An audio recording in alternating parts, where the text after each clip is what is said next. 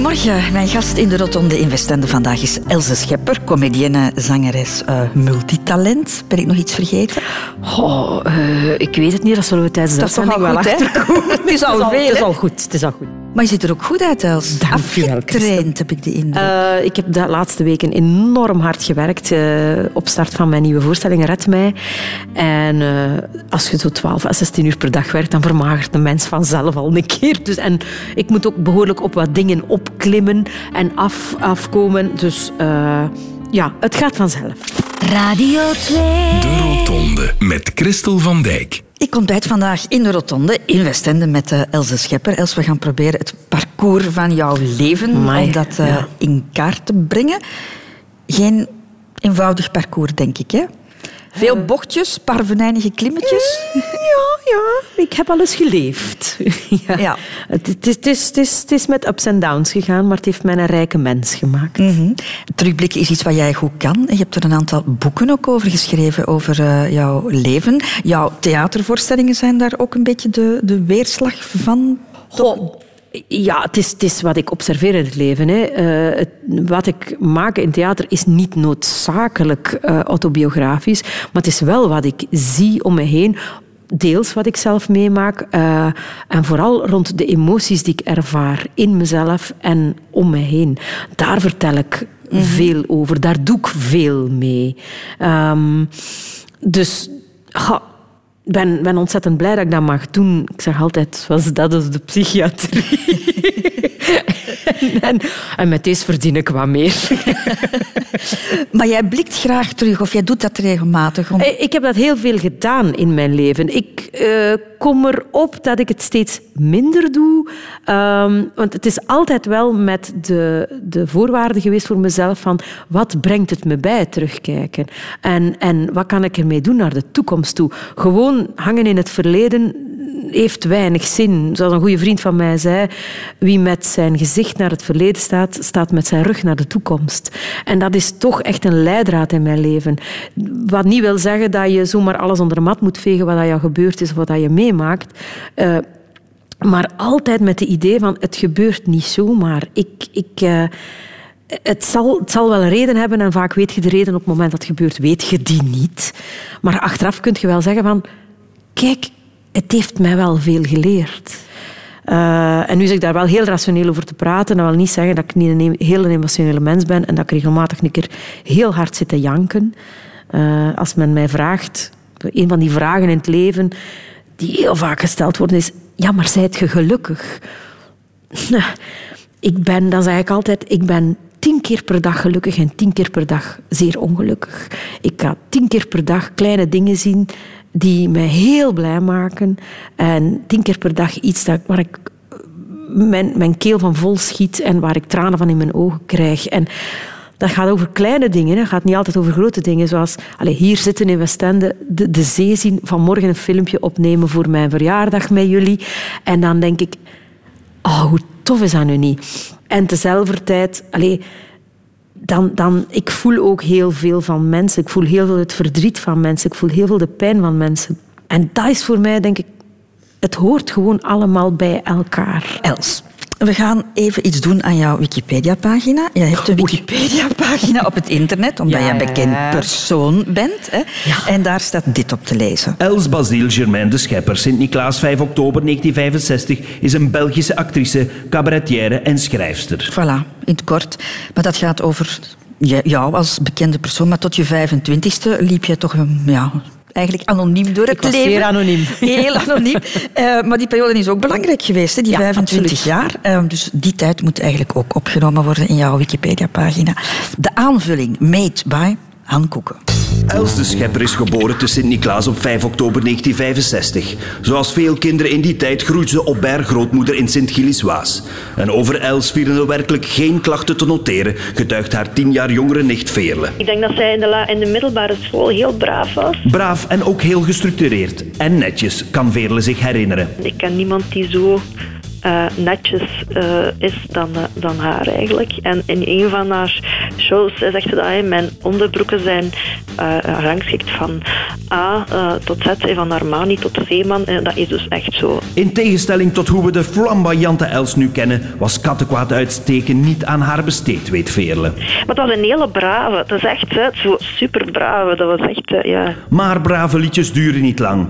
Toen Els naar de hogeschool ging en later naar Studio Herman Terling, werd ze duidelijk extravaganter. Dat zij zo ja, in mijn omgeving een van de eerste was die heel veel tweedehands kleren kocht. Um, of de meest gekke tasjes kocht. Ik herinner me nog dat ze ooit een handtas had gekocht met uh, in een gepluimde kip. En er vallen nog verrassende onthullingen te noteren over ons roodharig allround talent. Al dus Mita van der Maat, haar docent aan Studio Herman Terlink. Ja, ze was, ze, ze was klein en ze was blond en, was, en ze was vrij. Vrij en blond, maar tegelijk indrukwekkend, herinnert Mita zich. Wat altijd zeer duidelijk was, was die dijk van een stem. Een uitstekende zangeres, maar ook een uitstekende actrice die vele personages aankon. En, en zeer versatiel, dus zeer, zeer wissel, ze kon erg wisselen, ze kon metamorfoseren. Maar het ware geheim van Else Schepper onthult Mita voor ons. Haar handtas. De handtas van gepluimde kip. Ja, ze had alles in haar, in haar tas om het te maken en dat heeft ze dan ook gedaan. Talentvolle en gedreven Els voelde zich kiplekker op het podium. Op haar 25ste studeerde ze met de grootste onderscheiding af aan de studio Herman Terlink. En de rest is history. Een handtas met een gepluimde kip. Dat mijn nicht dat nog weet. Ja, ja, ik heb die nog. Ja, ik heb die ligt nog ergens in de kast. De kinder, kinderen van mijn nicht spelen daar dan ook mee. Dat is fantastisch. Zij, zij herinnert zich dingen die ik dan denk ik al ergens vergeten ben of zo. Van. Maar ik was, daar heeft ze meer dan gelijk in, ik was echt erg braaf. Ik, om niet te zeggen dat ik een seut was. Echt waar. Ik was echt een seut. Dat gelooft niemand, Ja, en toch was het zo. Toch was het echt zo. Ik was verschrikkelijk verlegen. Echt verschrikkelijk verlegen.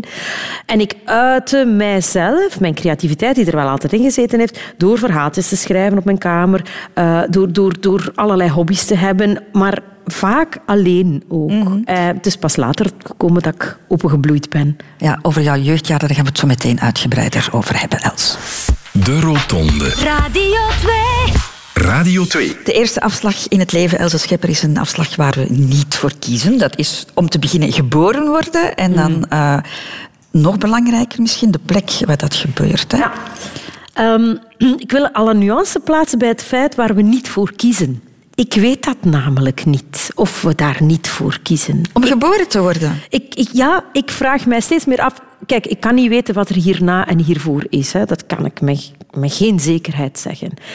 Ik ben geneigd om mee te gaan in het verhaal dat reïncarnatie bestaat en dat, er, uh, dat het nooit eindig is, om de simpele wetenschappelijke reden dat niets vergaat.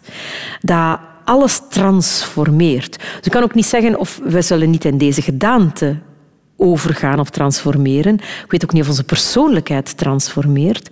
Maar ik ben geneigd om te zeggen, van, niets is eindig in het leven. Waarom zouden wij eindig zijn? Het transformeert. Dus ik weet het niet. Ik, ik, ik kan mij... Ik heb, maak daar ook vaak grappen over. Ik denk van, stel u nu voor dat het zo zou zijn dat leven één game is, een computergame. Dat dat zo zou zijn. En dat je zegt van, voordat je aan dat leven begint, van... Goh, wat ga ik na eens doen? Wat ga ik leren? Omdat het dan een game ontwikkelt je jezelf ook. Hè. Je, gaat, je gaat niveaus behalen. Je gaat proberen binnen de parameters van die game iets te bekomen. Namelijk ja, de overwinning in dat game. Als het, als het zo zou zijn, dan kan ik mij voorstellen dat je daaraan begint, dat je zegt van oké, ik ga deze parameters pakken en daar dan en daar dan met die medespelers. En dat je aan een game begint. Medespelers die het u moeilijk maken, medespelers die u bijstaan. En dat je dan op het einde van die game, als je ofwel heb het vervolmaakt, ofwel stopte met die een game en zei van, ja, ik ben het even bij om te spelen, dan gaat het terug. En dan denk ik dat, dat, dat, dat ik mij, mij kan voorstellen, ik zou toch graag hebben dat het zo is, dat je dan uit die game terecht uitkomt en je denkt van, oh, wat was dat allemaal zeg? Wat heb ik gekozen? Wat voor een game was dat? En dan denk ik, is Christel al terug? Nee, die is nog aan het spelen. Christel is nog het spelen. Judy houdt dat lang vol. Toen moet echt, wat moet hij allemaal nog doen? Oh ja, dat en dat en dat. Ik denk, het is een manier om er naar te kijken. Dus Misschien Voilà. heb ik gekozen Ja. om hier geboren te worden. Misschien ook niet. Ik weet het niet. Maar goed, transformeren, dat heb je al gedaan, gewoon in dit leven. Daar heb je ge- geen ander leven toch, voor ja. nodig. Want zoals je daarnet eh, zei, ik was een heel verlegen kind. Hè, zei Ook voor een stuk alleen eh, opgegroeid. Want jij Ik ben woonde- alleen bij mijn grootmoeder opgegroeid. Je had nog een, eh, een jongere broer, hè? Ik heb een broer en die is, die is thuis eh, opgevoed en deels ook ergens anders. Maar mijn grootmoeder eh, was het heel simpel ook. Ik woonde daar al en mijn grootvader stierf op een bepaald moment. En toen was mijn grootmoeder helemaal alleen. En is het eigenlijk gewoon zo gekomen dat ik daar tot mijn 18 heb gewoond. Dus voor mij heb ik twee moeders. Mijn moeder en mijn grootmoeder. Maar alle twee mijn moeder. Maar je zat veel alleen ook. Maar dat vond Maar ik, niet erg. ik bracht mijn tijd vaak alleen door, omdat ik... Maar dat heb ik heel mijn leven al gehad. Ehm, dat biedt mij de mogelijkheid om heel creatief te zijn. In mijn eigen kokon te zitten. Mm, ik ik eh, ben meer dan vroeger zeer sociaal geworden. En ik vind mijn vrienden zeer belangrijk, zoals mijn nicht ook. Oké, dat is mijn nicht, dat is familielid. Maar zij is nog veel meer dan dat. Een echte, echte goede vriendin. En veel van mijn familieleden zijn dat ook. En daarbuiten ook een aantal vrienden die ik als mijn familie beschouw. Dat had ik vroeger veel minder.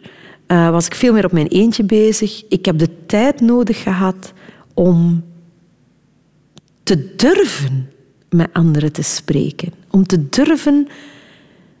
Ja, ik had, ik had als kind een zeer groot minderwaardigheidscomplex. Zeer groot ook. Dat is een van de redenen waarom ik inderdaad ook niet met anderen sprak. Omdat ik het gewoon niet durf. Omdat ik vond dat ik het niet waard was. Zonder dat ik dat zo op dat moment zo kon benoemen. Hè. Ik kon dat niet benoemen dat dat zo was. Maar ben ook niet opgegroeid in een omgeving die hoog van de toren blies over zichzelf. Nog mijn grootmoeder, nog mijn ouders waren mensen die... eh, eh, ja, de dood, dood, doodgewone mensen die, die het niet breed hadden in het leven daarom en die het ook voor zichzelf niet echt eh, makkelijk hadden in het leven. En dus dat straalt wel ergens door. Maar dan moet je soms toch eenzaam geweest zijn? Ik heb dat niet zo ervaren. Ik heb pas later in mijn leven ervaren wat eenzaamheid is. En eh, ik ben bij tijd en wijlen, voel ik mij ook heel eenzaam. Maar, en daar wil ik een grote maar bij zeggen. Het is zoals Dirk de Wachter zegt, die, die ik enorm bewonder ook met wat hij vertelt. Het hoort allemaal bij het leven. Veel mensen willen alleen maar succes in alles. En ergens in mijn voorstelling, in Red mij, vertel ik het ook. Hè. Zonder verdriet bijvoorbeeld zien we het geluk niet. Zonder eenzaamheid voelen wij ook niet wat, het, wat nabijheid is, wat mensen kunnen betekenen voor elkaar. Van het, dat gesloten meisje ben jij nu een heel expressieve vrouw geworden. Kan je benoemen wanneer die klik gekomen is? Dat is zeer geleidelijk aangebeurd. Ehm, want ik ben een heel open persoon eh, op een bepaalde manier. En toch bescherm ik mezelf, merk ik. Ik zijn, er zijn zaken waar ik, die alleen mijn vrienden weten en ook alleen zij waar ik over ga praten. Ehm, omdat ik dat belangrijk vind. vind in, eh, integriteit, intimiteit vind ik zeer belangrijk in het leven. En respect. Ik zal altijd respect hebben voor mensen. Vandaar dat ik ook niet wil dat de dingen die van mij geweten zijn, dat dat niet met respect behandeld wordt. Eh, dus dus zijn een aantal zaken waar ik, waar ik weinig over zal zeggen. De klik, pff, er is niet één bepaald moment, maar natuurlijk op het theater staan, op het podium staan, heeft gemaakt dat ik langzaam maar zeker het vertrouwen heb gekregen dat ik mag zijn wie ik ben. En, nog veel belangrijker, en dat is nog veel later gebeuren, dat ik niet perfect hoef te zijn. Dat is heel belangrijk geweest voor mij. Radio Radio Over de afslagen van het leven. De Rotonde. We hebben het daarnet over gehad, Else Schepper. Tot je achttiende was je een braaf, gesloten, eh, volgzaam meisje. Hè? Absoluut. Je woonde bij je grootmoeder. En dan ga jij studeren. Je hebt één grote droom, Studio Herman Terlink, maar dat doe je niet eerst. Hè? Mijn ouders hadden daar nogal schrik van. En Heel veel ouders, ja, denk ik. Voilà, komende ook uit een heel een dorp en, en, en een doodgewoon gezin en dit en dat, kan ik mij ook voorstellen dat dat voor hen ja, ten eerste gaat het daar boterham wel mee verdienen. En het is ook bewezen, heel veel van de acteurs verdienen een brood daar ook niet mee. Moeten schrapen om rond te komen. Ja, en wat is dat voor een, boel en, en, en losse zeden en weet ik veel wat. Allemaal al de clichés die daarover leven. Ik was ook zelf heel braaf, heel naïef. Ik zou verzopen zijn in die wereld. Dus vonden mijn ouders, je moet eerst iets anders doen. Maar ze lieten de mogelijkheid open. Ja, ze lieten de mogelijkheid open. Ik heb wel, wel met de restrictie dat ik er zelf voor ging werken en dat ik het zelf zou betalen. En dat heb ik ook later gedaan. Maar ik heb eerst maatschappelijk werk dan gestudeerd. Omdat, en die keuze heb ik gemaakt omdat dat een zeer uh, brede opleiding is. Met heel veel sociale vakken, maar ook rechtsvakken. Met, met, met culturele vakken. Met, en, en in Gent, ook een stad. Dan was eigenlijk mijn eerste stap naar een breder perspectief op de wereld te Mhm. krijgen. Ik vind dat toch een gekke keuze voor een meisje dat toch ja, zeer beschermd is opgevoed, heel weinig van de wereld wist. Ja. En dan ga jij weinig contact had ook. Ja. En dan ga jij sociaal assistent studeren. Ja, maar het ging mij over het, eh, de brede waaier aan vakken die je krijgt, dus het breder perspectief aan kon krijgen. Zo slim was ik dan wel. Het was niet omdat ik naïef was dat ik stoem was. Laat ons duidelijk wezen. Ik was intelligent, maar eh, beschermd. Ja. Maar, eh, en dat zag ik. Daardoor kon ik mijn wereldbeeld verbreden. En dus ben ik naar Gent gegaan. Ben ik ook op kot gegaan. Daar heb ik wel wel moeite voor moeten doen om, te- om, dat te mogen. Maar dat wou je wel. Daar was je dan wel heel doortastend in. ik Van, wa- dit ga ik nu doen. Ja, absoluut. Maar ik ben wat dat betreft zeer doortastend altijd geweest. Ik wist zeer goed wat ik wou in het leven, maar ik was gewoon heel braaf ook. Had je ook het gevoel van het wordt wel tijd dat ik mijn vleugels uit... Ja, tuurlijk. Was het ja. 18. Ja. Ja. Ik had dat wel het gevoel van, ik kon niet rap genoeg maken dat ik weg was. met, met alle respect voor, voor mijn ouders en, en mijn, mijn, mijn, eh, mijn babon. Maar eh, eh, ik had van, "Oeh, jongens, ik, deze ken ik nou. Hè. Dus dit, dit, dit weet ik nu wel. Maar... In tegenstelling tot wat velen dan hebben die zo braaf zijn, die gaan dan zeer exuberant uit de band vliegen. Dat heb ik nooit gedaan. Ik had daar geen behoefte aan. Ik had geen behoefte om alle dagen zat op café te zitten of zo. Dat is nooit mijn ding geweest. Ik uitte dat bijvoorbeeld, hè, zoals mijn, eh, mijn nicht daar ook zegt in het begin, eh, door in één keer tweedehands kleren te gaan kopen en hele maffe, gekke kleuren aan te doen.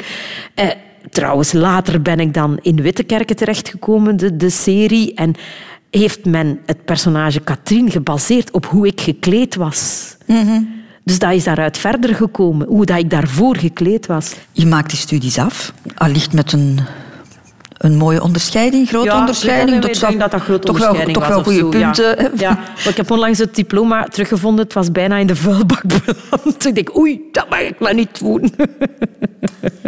En dan mag jij je grote droom waarmaken. Dan ga je naar Studio Herman Teiling, doet daar eh, Maar- auditie. Maar, ja... Ik was er niet door, door die auditie. Ah, is het echt? Nee, dus dat dat er Ah, nog dat voeten nog in de aarde.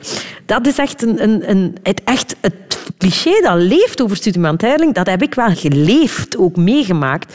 Namelijk, ik ging naar Studio Herman Teiling ingangsexamen doen. En ik had dat goed voorbereid, maar ik was een klein naïef meisje. Nog, maar ik had al wel wat meegemaakt, maar toch...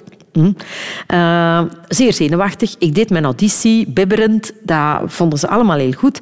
Maar ze zeiden, ja, kijk, luistert... ehm, ga, je moet je tanden laten Ah, ja, maken. dat verhaal, ja. En ik had nogal wijd uiteenstaande tanden. En ik had daar zelf al heel mijn leven een complex over. En ik had al een beugel gedragen, zo zes jaar aan een stuk. De dag dat ik die een beugel uitdeed, de volgende morgen stonden mijn tanden gewoon terug recht vooruit. Zo...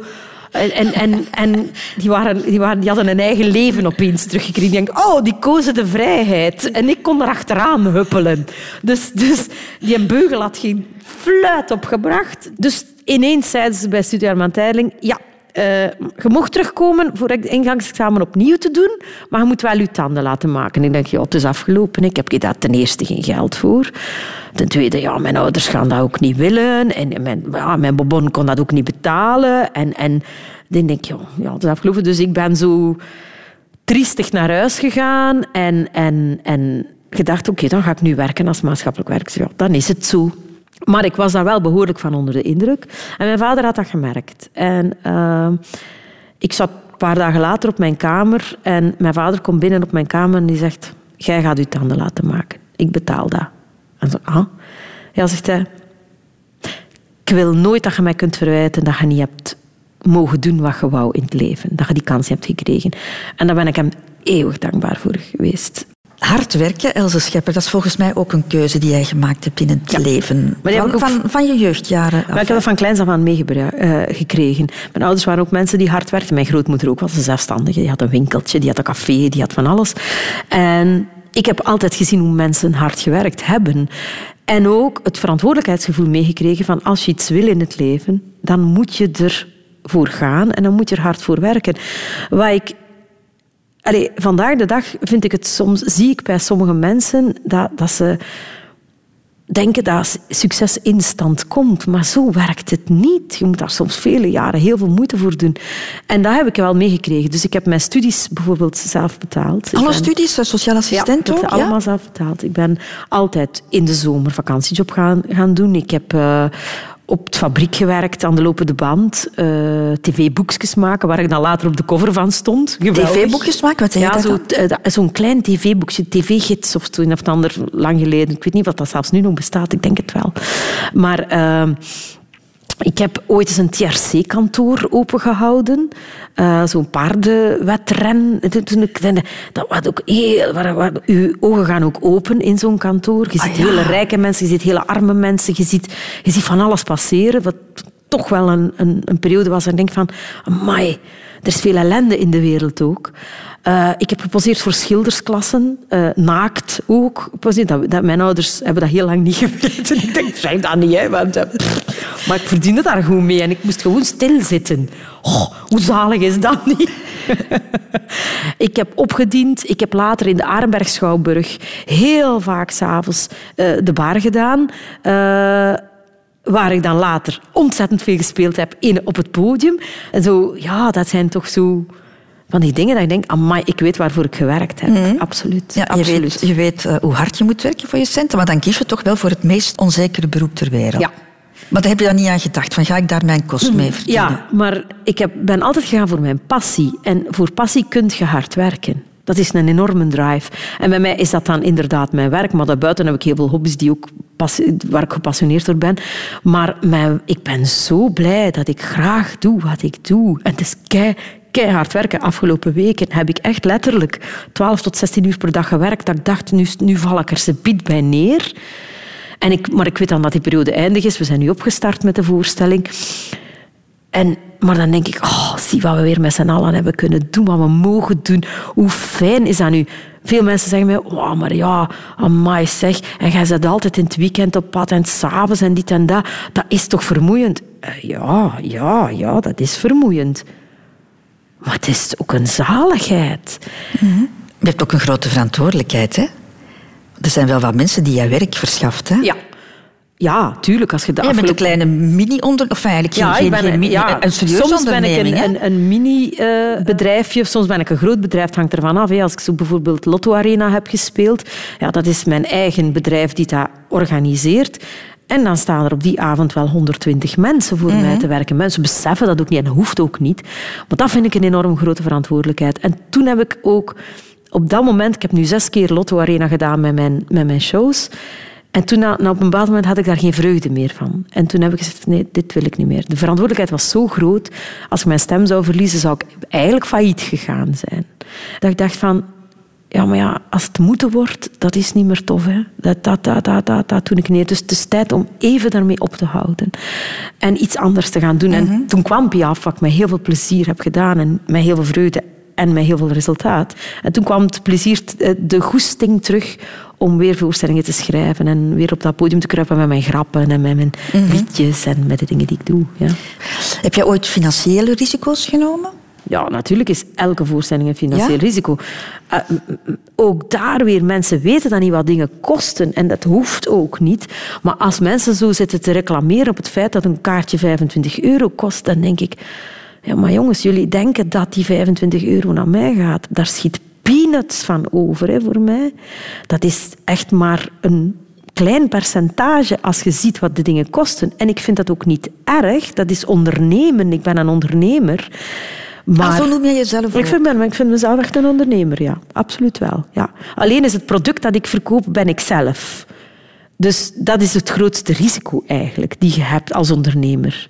Als je een product hebt dat je los van jezelf kunt verkopen, is dat een ander soort risico. En je kan al eens veranderen van product. En je kunt al eens veranderen van product. Ik verander ook al eens van product van haarkleur, maar, maar dat, tot daar blijft het veranderen van het product.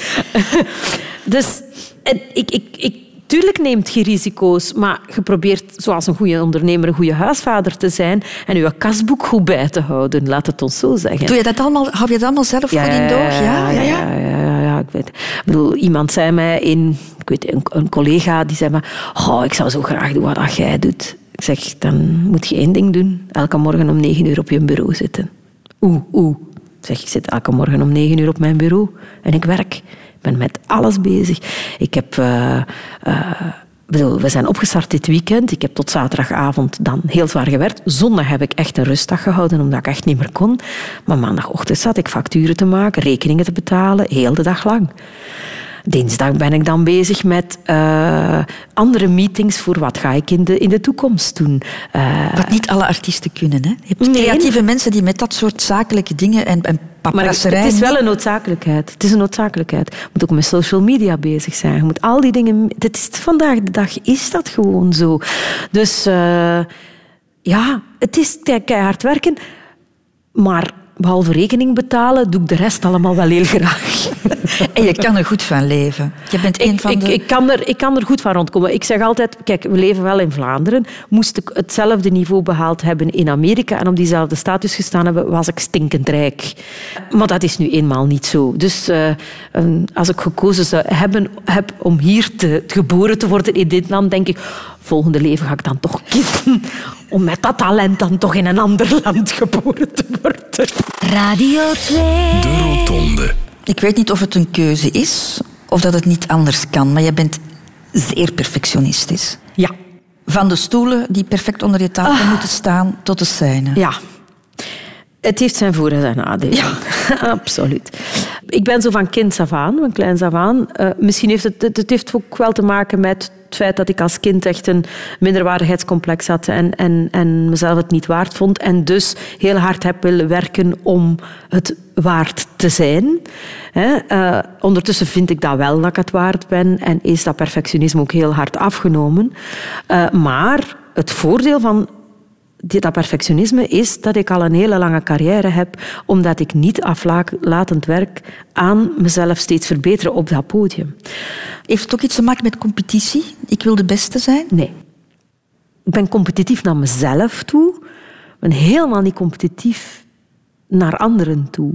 Omdat ik er heilig van overtuigd ben dat er voor iedereen een plaats is, namelijk. Maar dus dat perfectionisme is ontstaan doordat jij ja, minderwaardig voelde, Ja, niet genoeg absoluut. zelfvertrouwen had. Faalangst ook? Eh, minder. Op een of andere manier heb ik altijd wel zo de naïeve moed gehad om dingen te doen. En soms faalt het. Hè. Soms werken dingen niet. Soms, soms, soms, en dan moet je maar door je ego slikken. En zeggen van, oké, dit is, het is niet gewerkt, maar het is wat dat... Ik weet niet wie het, welke grote ter aarde hebben het gezegd van... eh, de kunst van succes is te durven te falen en weer recht te staan en door te gaan. Het is door te falen dat je ook, en ernaar te kijken dat je veel leert ook. Je eist ook veel van je medewerkers, hè, Ja, ja, ik vraag heel veel van hen, omdat ik ook veel vraag van mezelf. Maar daardoor kun je ook... Allee, ik ga er altijd van uit. Mensen betalen een kaartje en willen geamuseerd worden die avond, ontroerd worden, willen whatever. Hoe ik mij ook voel die avond, dat is niet belangrijk voor die mensen in de zaal. Ik heb een opdracht te vervullen. En ik kan die opdracht alleen maar goed vervullen als ik goed geëntoureerd word door de mensen van het licht, de mensen van het geluid, mijn toneelmeester, mijn muzikanten. En dat zijn allemaal de beste die ik heb. En die ook zelf diezelfde verantwoordelijkheid dragen. We zijn opgestart nu met de voorstelling. Die week van, dat was 16 uur per dag werken voor alle medewerkers. Eh, iedereen heeft dat zonder morren gedaan. Iedereen was kapot, maar iedereen heeft op het einde van die week gezegd... Amai, het was een fantastische week. We hebben keihard gewerkt, maar we hebben zo'n schone resultaten behaald. En dan denk ik, dan kan je die allemaal kussen. Hè? De ene heeft dat dan graag, de andere niet. Oké, Maar dat doe weet je dat al bij wie, bij wie dat, dat mag doen en bij wie niet. Maar zo van... En en dan, dan, dan laat ik ook niet op zeggen, merci mannen. Oh, geweldig, keihard, dank u wel, dank u wel. Allee, we gaan een goede tournee hebben. En dan kun je dat doen. Door dat perfectionisme van jou, het moet allemaal tot in de puntjes zijn, heb je het ver geschopt. Maar je eist ook wel erg veel van jezelf. Denk je niet soms van, oh, het kan ook wel wat minder?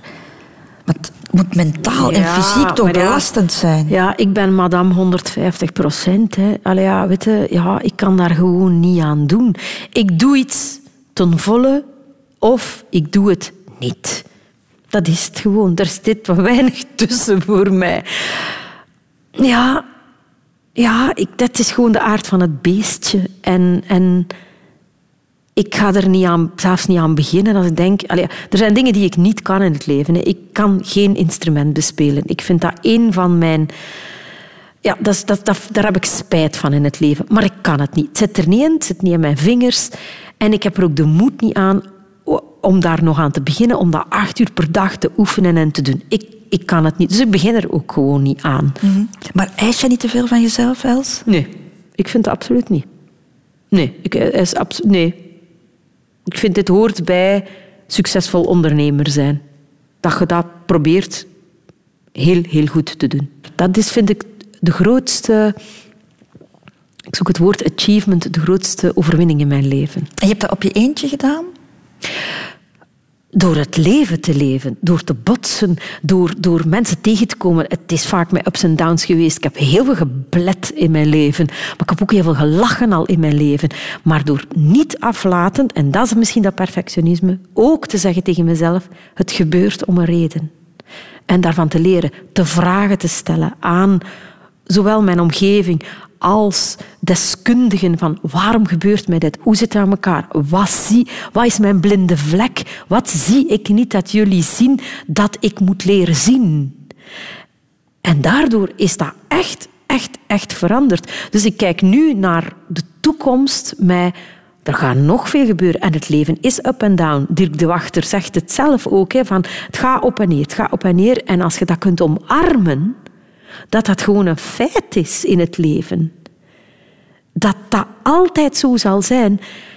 Dan krijg je een soort rust daarin ook. En dan denk je van, ah ja, ik zit weer eens te blijten. Hè. Ah ja, het is weer miserie. Ja, maar ja, maar ja, het is dan zo. Hè. Maar straks lach ik weer. Radio 2. Over de afslagen van het leven. De Rotonde. Ja, Elsa Schepper, de liefde, hè? ja. Wat, ja. Wat voor idee had je als jong meisje van de liefde? Ik heb nooit de idee gehad van een prinses te willen zijn en te trouwen en zo die sprookjesdingen. En ik- ideale man, zo, Nee. dat je die ging tegenkomen? Nee. Ik ben wel iemand die, die, die zeer, zeer verliefd kan zijn. En, eh, eh, en ik heb dat ook een aantal keren echt wel meegemaakt in mijn leven, waar ik echt fantastische liefdesverhalen heb meegemaakt. Die ik nog altijd koester ook.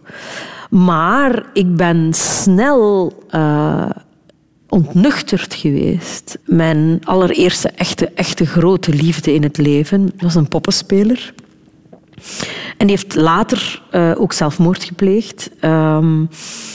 Wat als je 21 jaar bent, dat hakt erin, moet ik zeggen. Eh, dat had niks met mij te maken. Had maken met het feit dat de man in kwestie eh, het heel moeilijk had in het leven met zichzelf en met eh, een aantal zaken. En zeer, zeer, zeer gevoelig man was. En, en ja, hij heeft later dan zelfmoord gepleegd. Dat heeft er heel enorm hard in gehakt. Hoe eindig het leven kan zijn. Ik heb toen ook, naar aanleiding daarvan, ben ik wel meer gaan nadenken over wat is er hiervoor en hierna. Wat is de dood? Wat betekent dat? Ik ga toch nog even naar de liefde terug, Els. Ah, ja, ja, ja. Eh, jongens, was dat een vreemde wereld voor jou? Als jong meisje? Eh, ja. Ja, want ik zat ook toen nog op een meisjesschool. We zaten niet in een gemengde school, toen was dat nog niet. Dus eh, ik, de eerste aanraking met jongens, letterlijk en figuurlijk, eh, was als ik schooltoneel ging doen. Eh, want wij hadden in Sint-Niklaas, waar ik naar school ging, het schooltoneel was samen met de broederschool van daar rechtover. Dus er was zo in die straat een scheiding. Hè. De meisjes langs de ene kant lopen, de jongens langs de andere kant. En giechelen en giechelen en giechelen. En zeker met mijn konijnentanden en mijn beugel. Dat was echt top. En ik had dan ook nog puisten. Ik zag er werkelijk aantrekkelijk uit. Mm, mm, mm. Schoon. En... Uh, ze was super verlegen, ook al daardoor. Maar dan eh, op dat schooltoneel, uh, en dat was ook met leraars samen, kreeg ik opeens toch een gevoel van gelijkheid en van minder van scheiding. Waar dan ook nog eens werd gezegd dat ik daar door, door degene die, die, uh, die regisseerde, van, dat ik daar enorm geschikt voor was. Dus ik, ik bloeide echt open en daardoor... Ja, ik speelde ook een stuk waar ik mannen moest aanraken en zij mij. En dan... Uh, dat was echt mijn eerste letterlijke aanraking, denk ik. Als je jouw parcours bekijkt, Els, op dat gebied... Um was het meer plezier d'amour of chagrin d'amour? De beide. Ik heb wat dat betreft nogal een woelig parcours uh, afgelegd. Maar wel, ik heb met een aantal van de mannen bij wie ik samen geweest ben nog steeds een zeer, zeer goed contact. Um, soms is het door omstandigheden gegaan dat het echt niet ging samen meer. Soms is het doordat uh, ja, het pad niet samenliep in wat je moest leren. En ik ben, niet ik ben altijd een zeer onafhankelijke mens geweest. Ik ben natuurlijk geen vrouw die alle dagen thuis blijft en gaat koken voor haar man en dan ook maar de was doet. Ik heb zoiets van, uh, zeg, trek je plan een keer, doe je was zelf.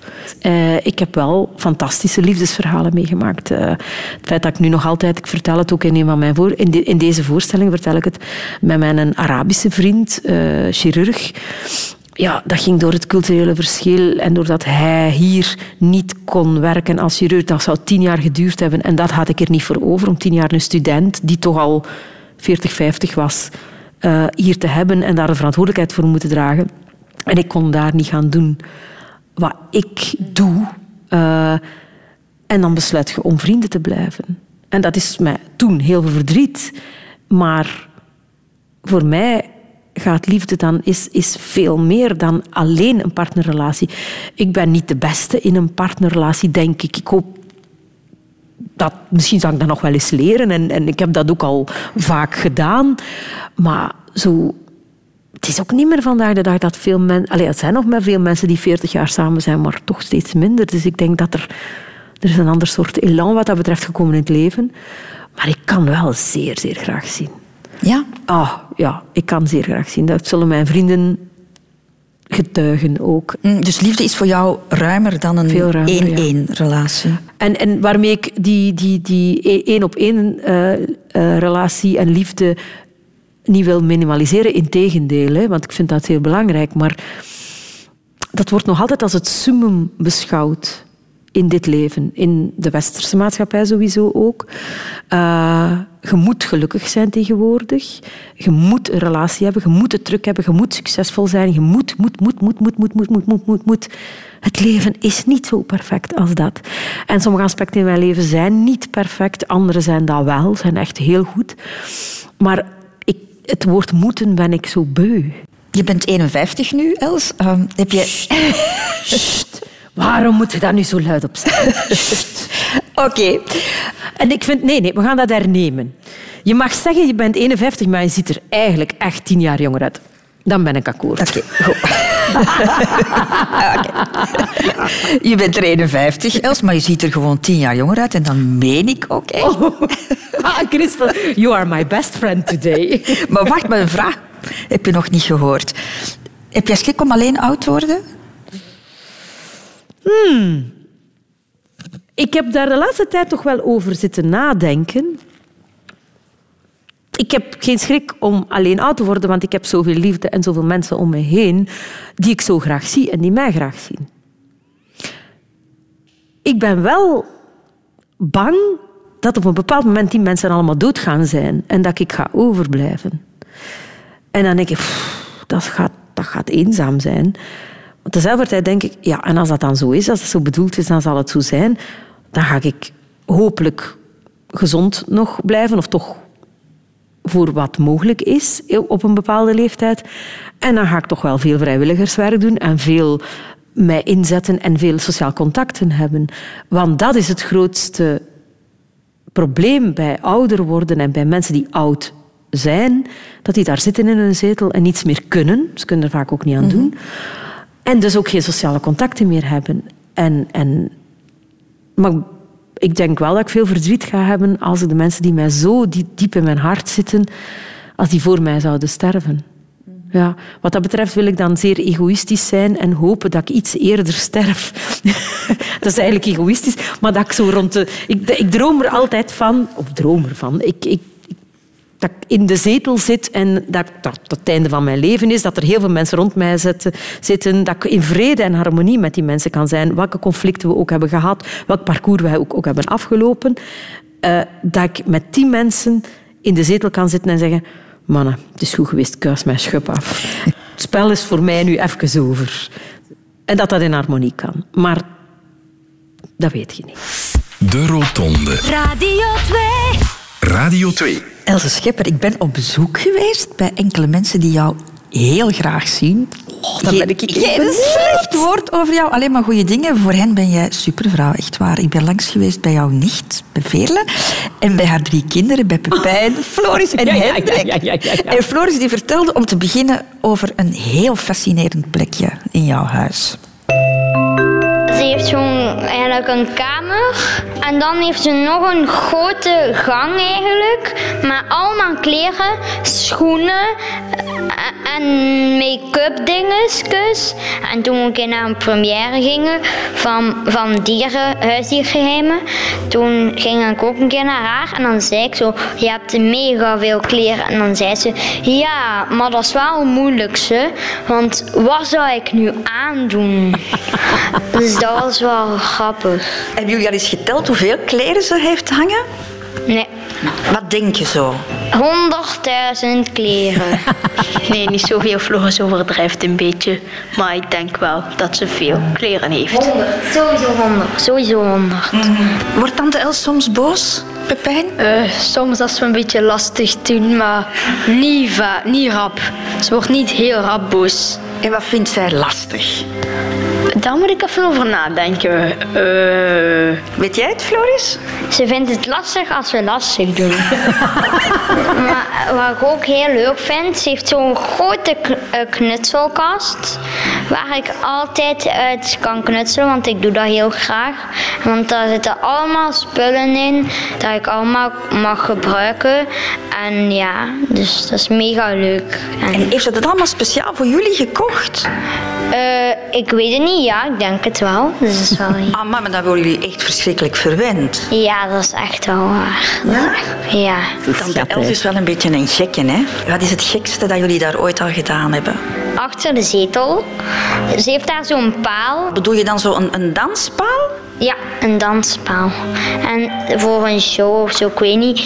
En dan hebben we daar aangehangen en terwijl naar televisie gekeken. In plaats van gewoon in de zetel te zitten. En, en hangt zij daar soms ook aan?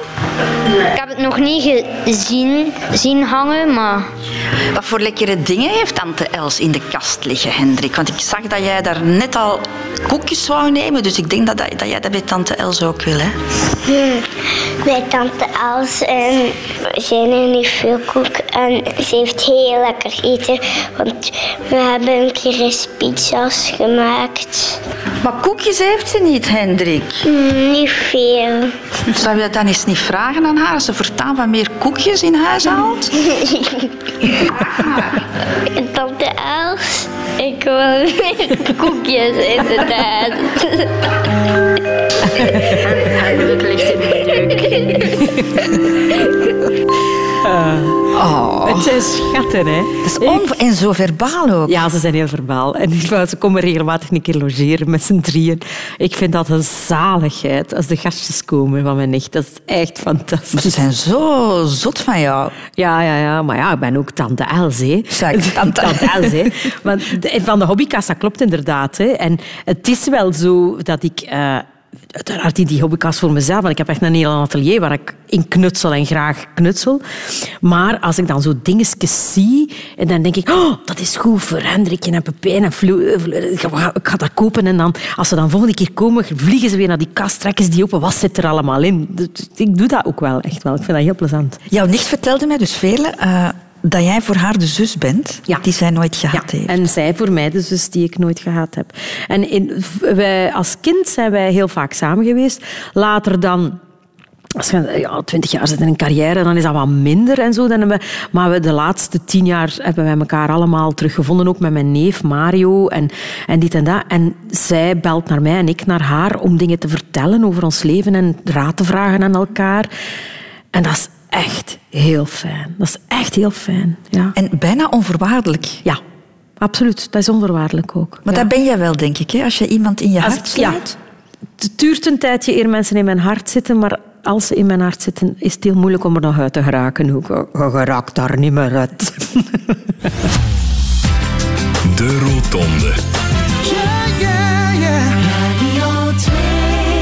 Else Schepper, jij schrijft al je theatervoorstellingen zelf. Dat is een mentaal proces. Dat, is, uh, dat moet rijpen, dat moet gisten. Dat is veel met je hoofd bezig zijn. Maar van de andere kant ben je heel lichamelijk. Ben je heel veel met je handen bezig. Ja. Mijn regisseur heeft mij nu vorige week gezegd van... Nu begin ik u te kennen. Ik weet wat ik moet doen als het er niet meer in gaat in uw kop. Ik moet u gewoon een klusje geven. Een taakje, een praktisch taakje. En dan ontspande jij volledig. En dat is ook echt zo. Ik heb nu uh, voor die voorstelling koffers die ik van alle mensen, allez, publiek en fans gekregen heb, heb ik allemaal her, herwerkt om te gebruiken in de voorstelling. Ik heb dat allemaal zelf geknutseld. Ik heb dat allemaal zelf getimmerd gedaan. Uh, er moesten ook allemaal van die vintage stickers op. Die heb ik gezocht online. Die heb ik en taakjes. En daarbuiten ook heb ik natuurlijk ja, al mijn hobby's. Mijn groententuin is een heel belangrijke hobby, waar ik helaas de laatste paar maanden weinig tijd voor heb gehad. Maar binnenkort ga ik hem nu voor de winter klaarzetten. En dat is mm-hmm. met je handen in de aarde zitten. Dat maar je doet van alles. Je hebt schrijnwerkerij gevolgd, pottenbak, je hebt meubels voor je poppen gemaakt. Ja, uh... ja ik heb met mijn vader toen, uh, voor hij gestorven is, hebben we een aantal jaren schrijnwerkerijles gevolgd. En nu doe ik dat nog altijd, voor zover ik er tijd voor heb. Uh, want ik heb altijd wel ideeën van dingen die ik wil maken, ook voor in huis, ook voor cadeautjes te maken en zo. Ik vind dat heel plezant. Ja. Ja, je verzorgingsproducten maak je ook ja, zelf. Ja, ik, uh, dat, is, dat is eigenlijk een, gekomen door die groentetuin te hebben en een aantal zaken in de groentetuin te hebben dat ik denk, die, wat kun je daar nu mee maken? Je kunt daar eigenlijk niet, je kunt dat niet echt eten. Je kunt niet... Of in de tuin bloemen en zo. En zo is dat, heeft dat zich ontwikkeld tot, ah, je kunt daar dus ook wel smeersels mee maken. En dan ben ik dat wat gaan studeren, zo online. Uh, er is een winkel in, in, uh, in Gent die al die producten verkoopt. En, en uh, dan ben ik daar wat gaan leren. Ik heb boekjes gelezen, recepten online en trial and error. En nu heb ik eigenlijk echt een atelierje met een ijskastje waar al die productjes in staan. En ja, familie weet dat ook. Hè. Zeg, heb jij iets tegen dat? En kun jij iets tegen dat maken? Dat is echt plezant. En ik weet ook wat erin zit, dat allemaal zeer zuivere ingrediënten mm-hmm. zijn. Ja, maar je blijft wel Else Schepper. Je doet niks half. Nee, die moestuin bijvoorbeeld. Oh. Wat een fanatiek project is ja, dat nu ja, maar, weer. Madame 150 procent is echt zo. Ik kan er niet gewoon niet aan doen. Ja, dat is de schoonste moestuin ter wereld. En wetenschappelijk he. onderbouwd. U, uiteraard, want ik heb daarvoor Angelo Dorny, die, die dan een vriend is van mij, die had mij gevraagd, wil jij samen met mij mijn groentenboek schrijven? Ik zeg, ja, maar ja, Angelo, ik wil dat wel doen, maar ik ben wel de amateur. Hè. En hij heeft natuurlijk de professionele kennis, dus hebben wij een heel mooi groentetuinboek uh, geschreven, De Hofhelden. En die... Uh, dus over mijn tuin. Omdat ik... Ik vind een tuin... Mijn grootvader had daar een groentetuin, maar ik heb hem echt opgewaardeerd met dat is ook veel mooier geworden. Daar staan beeldjes in, die, die uh, uh, paden zijn geplaveid. Uh, dat ziet er echt mooi uit. Ik kan daarvan genieten van mijn glas wijn in die groententuin te zitten op een stoelje en de patatten te zien groeien. Maar ja, bij jou is het toch niet, ik steek hier wat plantjes in de grond en ik hoop dat er iets uitkomt. Goh, het is ook wel trial and error. Ja, sproeien met een mengsel van aspirine. Ah, ja, ja, ja, maar dan ben ik, ik natuurlijk... Ja, ja, bedoel, ja, ik, ik, ik begin daar dan aan, ik werd dan al alles over weten. Hè. En dus we zijn ook... Uh, een jaar of twee geleden met een aantal groentetuinvrienden, waaronder Wim Liebaert, zijn wij naar Engeland geweest, naar de groentetuinbeurs. En daar hebben wij workshops gevolgd bij James Wong, zo, die alles wetenschappelijk baseert. En ja, dat wil het, maar dat is dan vreugde, hè? dat is dan plezier. En denk, ah, dus je moet je tomaten twee keren met een mengsel van water en één aspirine besproeien. En dat is dan omdat ze dan kwaad worden, de tomaten, en dan afweermechanismen beginnen te, te ontwikkelen, waardoor dat er minder minder bacteriën binnenkomen. Maar dan heb ik dus echt als een kind plezier als ik die sproeit denk oh, mijn tomaten zijn nu kwaad. Zie, zo kwaad. Ze zijn, ze zijn kwaad. Dat is mijn kind dat boven komt in mezelf. Hebben jullie ook de grootste en de mooiste tomaten hebben? De grootste niet. Want het is niet het grootste dat altijd het beste werkt. Dat zo een beetje omvloers bes- omschrijven. Ehm, ook weer James Wong die dat zei van... Ja, je kunt dat opfokken met allerlei meststoffen en dit en dat. Je moet wel mest geven, maar niet te veel. Want als je tomaten kleiner zijn, zijn ze veel vaster en hebben ze veel meer smaak. En dat is ook echt zo. Maar ik heb het nu, ik, ik zeg nu groot, maar ik, ik bedoel maar, heb je daar ook een soort van competitiegeest met jouw vrienden van? En wel, wat wij wel hebben is heel veel eh, zorg voor elkaar en ook wel competitie. Maar hoe macho kunt je zijn over een tomatenplant? Het is zo belachelijk. Als wij op die trein naar Engeland zaten, was dat in het voorjaar. En ze van, zeg, en uw tomaten en hoe groot staan ze al? Oh, bij mij staan ze al zo. Oh, bij mij staan ze al zo. Dus dat is echt gewoon competitie voor de grootte van uw tomaten. Ik vind het relativeert het leven ook wel. Moet ik zeggen. Weet je, dan mag ik ook macho zijn over mijn tomaten. Maar ook als er dan de ziekte opkomt, tomatenziekte, wat je makkelijk hebt, of aardappelziekte, van, dan, dan mailden dan aan elkaar van, oh ja, en dit en dat. En dan is dat, "Oh, veel sterkte. Ja, echt waar. Echt waar. Dat is toch heerlijk. Dat is toch heerlijk. Medeleven over de tomatenziekte. Radio 2. De Rotonde. De allerlaatste afslag, Els de Schepper. Ah, het ultieme afscheid, de dood. We hebben het er al een beetje over gehad. Hè? Het boezemt jou geen angst in, heb ik de indruk. Dat zou ik niet zeggen. Oh, toch niet? Ik, ik, ik durf niet zeggen dat de dood mij geen angst inboezemt. Ik denk dat we allemaal een doodsangst hebben. Ik ben niet zo bang van dood zijn, omdat ik denk dat we transformeren en dat niet stopt. Maar dood gaan is toch het ultieme loslaten. En ehm, ik denk dat ik daar wel schrik voor heb ook. Ik heb, eh, vooral ook door zwaar ziek te zijn eh, toch, toch eh, schik gekregen om heel veel pijn te lijden ook. En, en dat zou ik liever niet hebben. Maar ik heb bijvoorbeeld wel gezien bij de dood van mijn vader, die een hele eenvoudige, simpele mens was, eh, die niet over emoties praatte, die dat heel zijn leven ook niet heeft gedaan, maar wel zeer emotioneel was. Dat hij stond voor de dood, longkanker, en eh, heeft heel bewust gekozen. Ook die laatste drie dagen was hij zeer, zeer helder. En we hebben dan met hem echt heel mooi kunnen praten over... Kijk, het gaat niet meer beter worden. Het staat voor de deur. Hij heeft dan heel veel gehuild natuurlijk. We hebben allemaal wel gehuild. Eh, en ze wouden in de kliniek hem nog in een coma brengen waardoor hij misschien veertien dagen later dan zou wakker kunnen worden hebben. Maar ze wisten sowieso dat hij nooit meer uit dat bed uit intensive care zou komen. En dan heb ik mij kwaad gemaakt tegen de mensen. Allee, kwaad gemaakt. Ik heb gezegd van, maar waarom zou je dat doen? Dit- heeft toch geen zin-. Ze wouden hem, als hij een aanval zou krijgen, kon hem daarin blijven. En ze wouden hem preventief in coma brengen. Ik zeg, maar zou je, de mens is helder. Zou je hem niet respecteren en vragen wat hij wil? Alsjeblieft. Ja, maar ja, de, de, de, de arts van wacht is hier. Het is niet de gewone arts en wij mogen dat niet beslissen. Eh, ik zeg, dat is dikke bullshit. Hè. De enige die mag beslissen over zijn leven is mijn vader zelf, omdat hij het kan. Hè. Dus hij gaat beslissen. Hè. Niemand van ons. Hè. En dan heb ik, heb ik ze verplicht in het ziekenhuis om te zeggen, dan roept je de arts op. Het kan me niet schelen, je roept hem op. Zeg je gaat hem niet in coma brengen, zonder dat hij gezegd heeft dat het mag. En dan zijn ze gekomen, hebben met hem gesproken, heel lang ook trouwens met hem gesproken.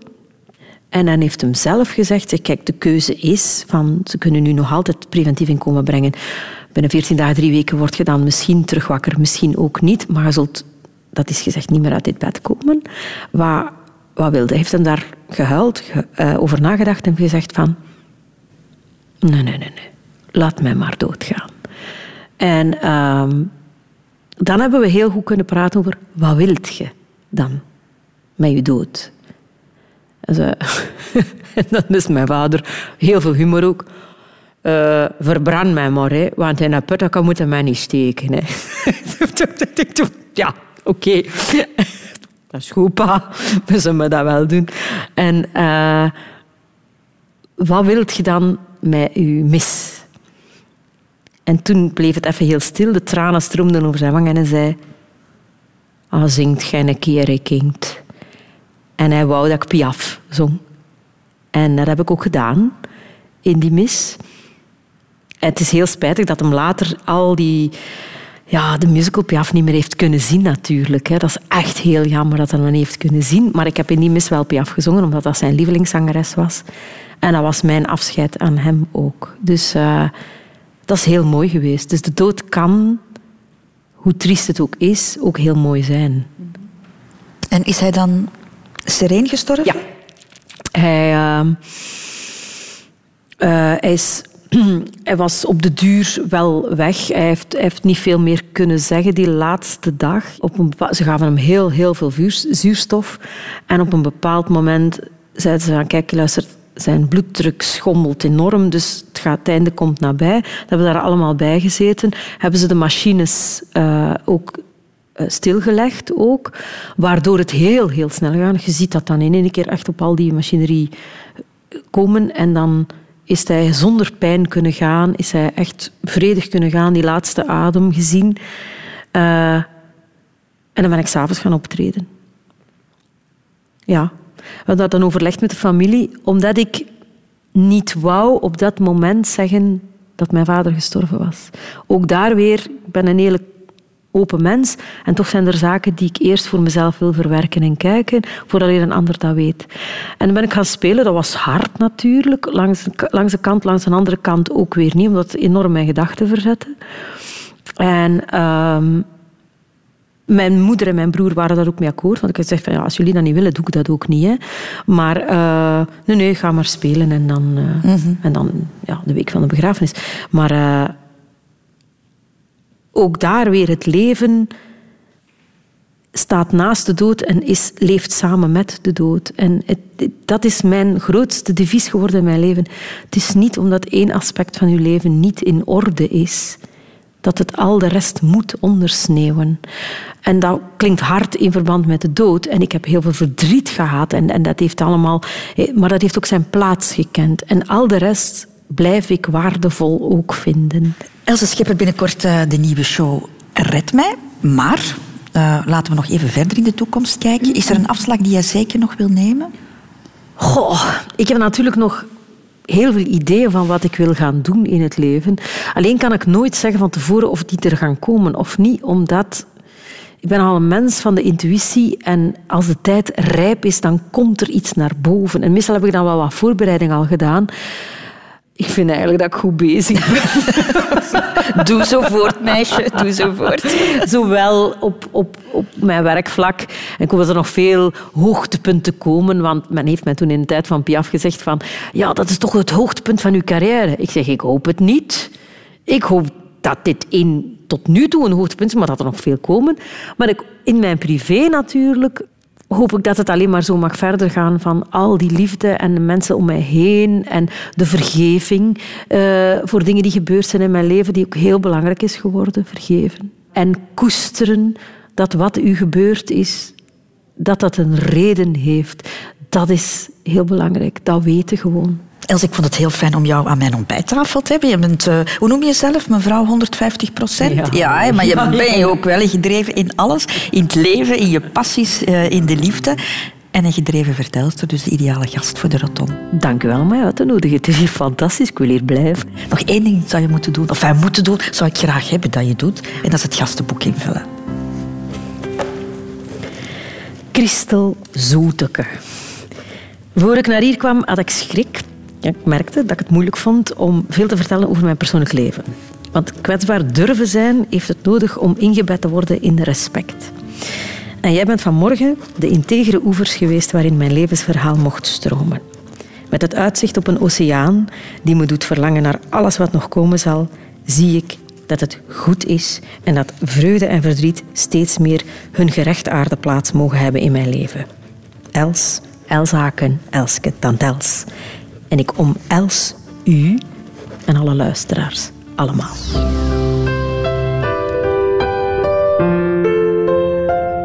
Radio 2